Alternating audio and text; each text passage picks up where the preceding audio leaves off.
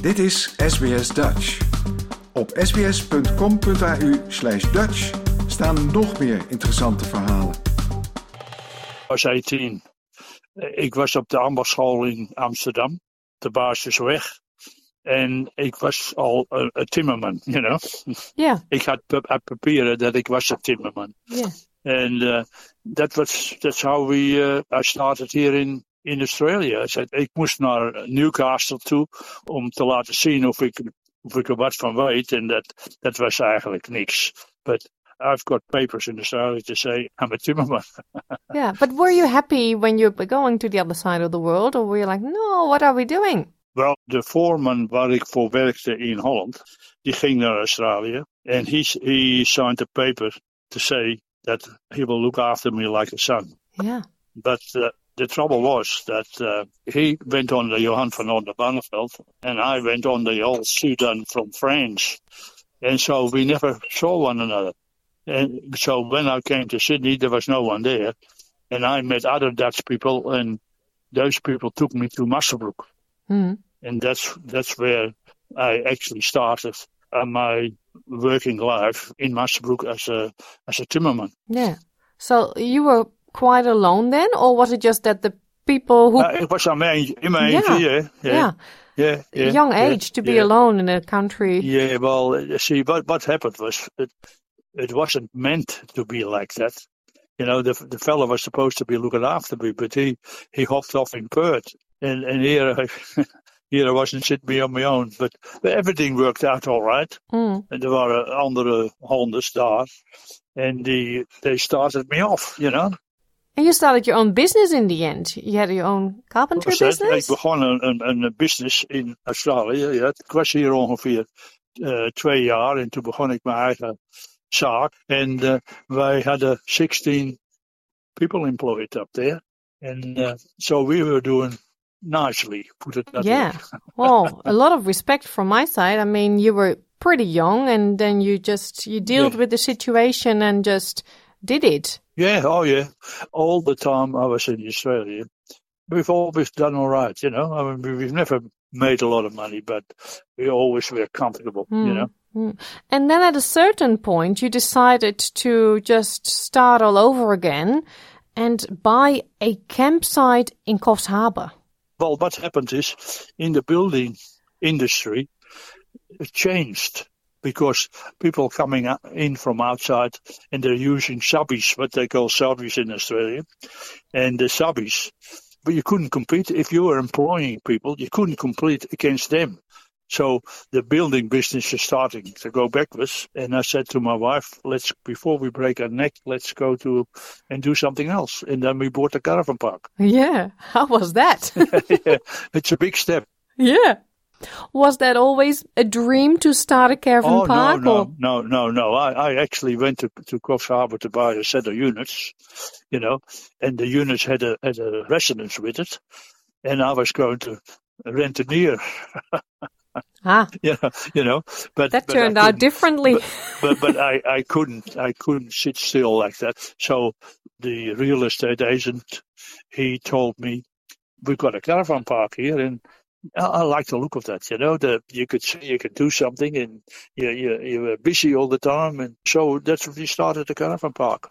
I, I think everyone who has visited uh, Coffs Harbour or drove past it to go up north or down south, Yeah. they have seen the Clog Barn. You can't miss it.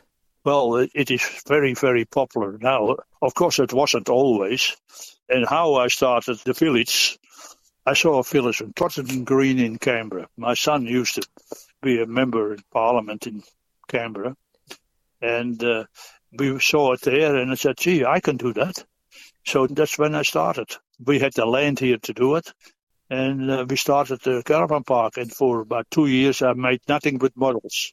Yeah. And after that, well, then we tried to charge five dollars per visit to go into the village, but no one wanted to pay it. And the Dutchies were the worst. Of course. we have to keep up with our name, always- right? With a reputation. They want everything for nothing. But anyway, on the end, my wife was very good. She she she was Australian, of course, and uh, she was a big help in all that. And uh, well, that's where we are today. Really, I mean, it's just we spent a lot of time, and I worked practically seven days a week, not all the time, but yeah. But now, today, there is a caravan park, there's this coffee house, and you recognize it. It really looks like a really old Yeah. Dutch city with big Yeah. clocks and uh, at the entry, and the miniature village. Um, Well, see, what what, what happened was I, I got some books, and uh, I made approximately to scale. They're not really to scale because some of them are a bit bigger and some of them are a bit smaller. It's just how it works out. See, how I work it out is when I get a photo and there's a door there. Well, the door is 10 centimeters high. So if the if on the picture it is six times the door, then it's 60 centimeters high. That's how I got the scale.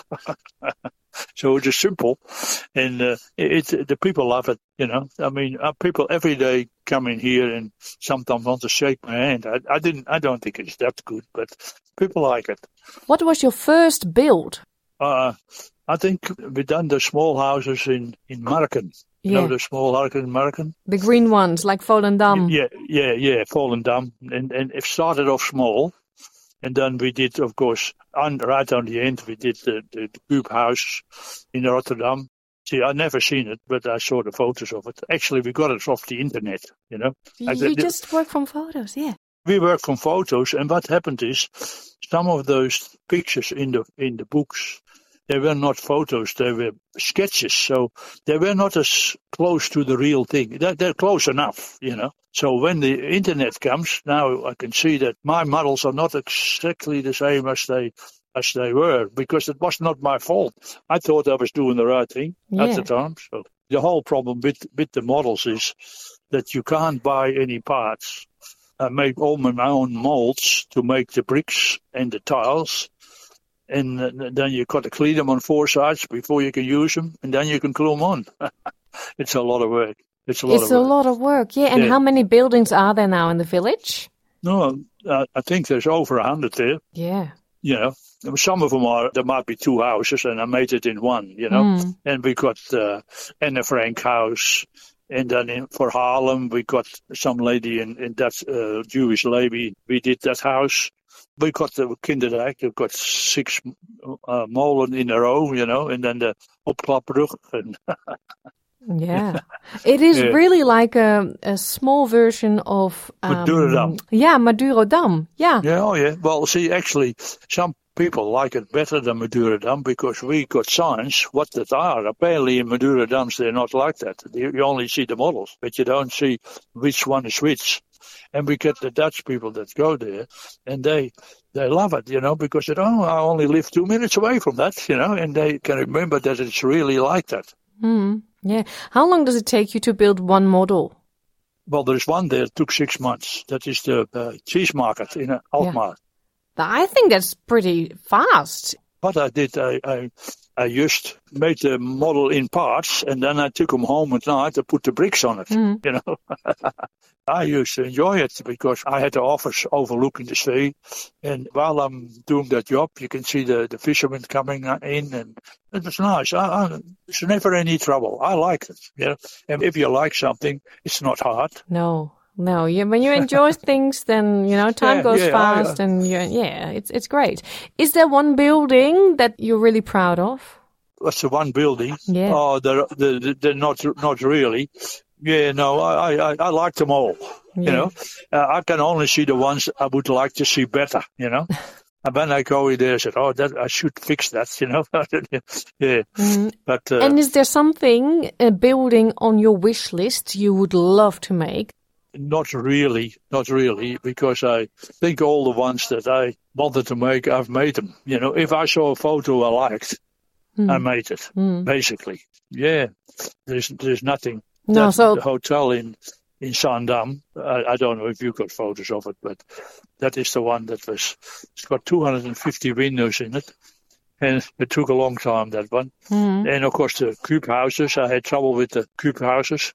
If the bevel of the cube is not exactly right, that it throws everything else out. So yeah, it's very detailed and very um, precise work, of course. yeah, well, see, I I I, just made them, and uh, when I saw a nice picture, I made it. So today it's mainly maintenance, adjusting, but the village won't grow anymore. You're not planning on building new models. The, Oh, well, this is I- the village. I, I, I built a, a, a big water wheel, which is actually not of a photo. It, I just made that one up hmm. because there seemed to be a dead spot in that spot, and I said we have to have something there. So I made a water wheel for it. wow. You wouldn't know the difference because there's a little house with it that looks exactly the same, like the same style. And uh, but that's about 18 months ago when I made that. But lately, I I haven't done that much. Well, I'm, I'm, You have to I'm- enjoy your morning coffees and just relax and just well, I've, do. I've got my coffee there. My coffee there. It's getting cold. Oh, I'm so sorry. No, no, no, no, no, no. They brought it in the moment, the moment you rang, and they brought it over. Usually, I asked them to wait until after I was talking My to bad. you. and the people who visit um, the village, are they mainly Dutch or tourists from all over the world? It's been all over the world. Uh, oh, it's all over China, you name it, Japan, Russia. We get visitors from all over the world here, and uh, they seem to like it. You know. Yeah. Well, I can understand. Uh, I went there with my young children and they loved it too, just to see all the buildings. Yeah, I just take it in my stride because I think, I basically think that anyone can do it, really. Uh, if you set your mind to it, anyone can do it.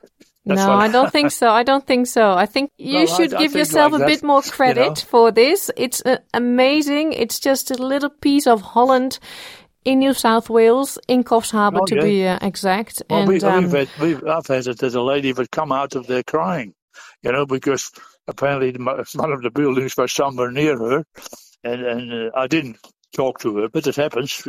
Often people come in and want to shake my hand, and uh, I don't really think it is that good, you know. But there's people like it. Wil je nog meer soortgelijke verhalen? Luister via Apple Podcasts, Google Podcasts, Spotify of waar je je podcasts dan ook vandaan haalt.